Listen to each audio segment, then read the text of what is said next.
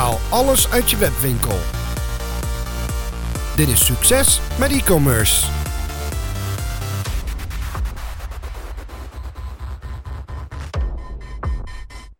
In deze succes met eh, e-commerce video wil ik met jullie even stilstaan bij een heel belangrijk onderwerp. Het onderwerp conversieoptimalisatie. Ik denk dat conversieoptimalisatie misschien wel een van de meest ondergewaardeerde onderdelen is binnen het hele speelveld van, van webwinkelmarketing. En ik snap niet waarom. Je moet eerst je conversie helemaal op orde hebben voordat je echt geld gaat pompen in allerlei uh, online marketingcampagnes. Nou, laten we even bij de basis beginnen. Wat is conversieoptimalisatie uh, nou uiteindelijk?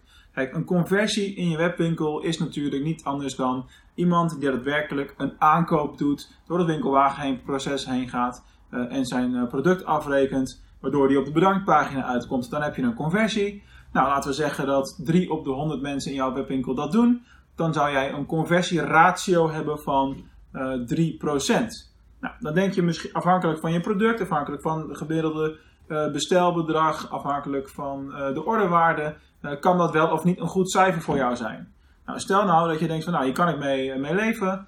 dan ga je natuurlijk extern aan de slag. Dan ga je e-mail marketing campagnes doen, dan ga je Google AdWords doen, dan ga je uh, SEO uh, op, opzetten, noem het allemaal maar op.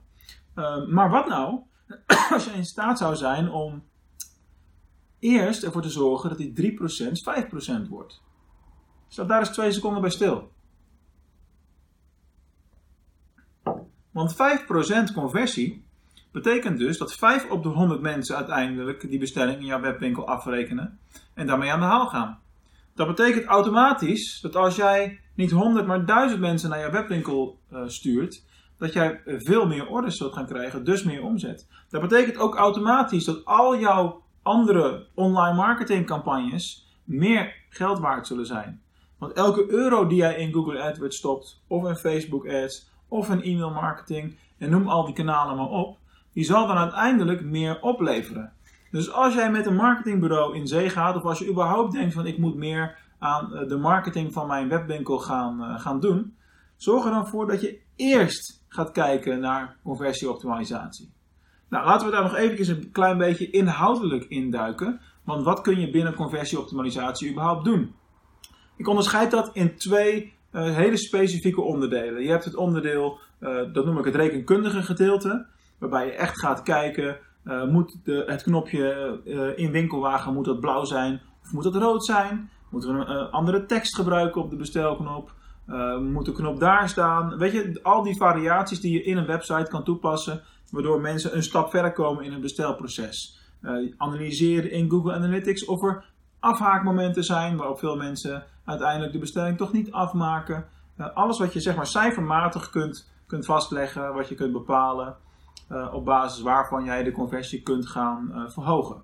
Dat is een super, super belangrijk uh, aspect. Nou, er zijn allerlei dingen die je daarvoor kunt gebruiken om dat ja, in kaart te brengen. Buiten natuurlijk Google Analytics en de analyses die je daarin kunt maken. Kun je ook denken aan het maken van een heatmap of het opnemen van bezoekersgedrag via een tool als Hotjar. Dat is een goed voorbeeld.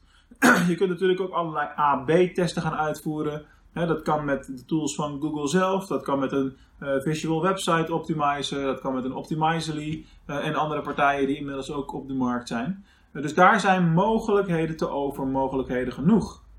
Dat is allemaal het rekenkundige model. Maar wat voor invloed heeft bijvoorbeeld de merkbekendheid van jouw merk? De beleving, het gevoel wat mensen bij jouw merk hebben. Wat voor gevolgen heeft dat uiteindelijk op je conversie? Nou, daar kan ik heel kort over zijn. Dat heeft nogal wat effect. Het is misschien nog wel belangrijker dat mensen een goed gevoel hebben bij jouw bedrijf, bij jou als persoon, bij jouw webwinkel, dat er vertrouwen is, dat men jou al vaker voorbij heeft zien komen, dat men ziet dat jij een actief bedrijf bent, dat je betrokken bent, je klantenservice goed op orde is. Al dat soort facetten spelen een hele grote rol bij uh, het wel of niet uiteindelijk doen van een bestelling bij een webwinkel. En tenzij het echt een product is uh, wat je bijna nergens anders kan vinden en dat men al lang blij is dat ze dat product hebben gevonden, dan zal dat misschien een wat kleinere rol spelen.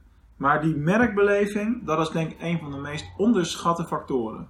Uh, ik heb diverse campagnes gehad waarbij we heel erg op branding zijn gaan inzetten. Uh, vooral via Facebook. Dus heel veel berichten die gericht waren op het verzamelen van, van likes. Niet zozeer likes van de pagina, maar dat mensen interactie hadden met het bericht. Dus interactie met het merk. Het merk leuker, leuker en leuker gingen vinden. Nou, dat gebeurde allemaal. En vervolgens zag je dan, en ja hoor, in Google AdWords bijvoorbeeld, het conversiepercentage bleef maar stijgen, bleef maar stijgen tot een bepaald uh, punt natuurlijk weer. Uh, dus daar kun je ook heel veel uh, doen om er meer uit te halen voor jouw webwinkel. Alleen dat is wat minder direct meetbaar, het duurt langer hè, voordat je de effecten daarvan hebt. We gaan met allebei de kanten aan de slag. Met je branding om je conversie te optimaliseren en met de rekenkundige aspecten van conversieoptimalisatie. Maar onthoud dit, conversieoptimalisatie is misschien wel een van de belangrijkste onderdelen binnen web.com marketing überhaupt. Veel succes!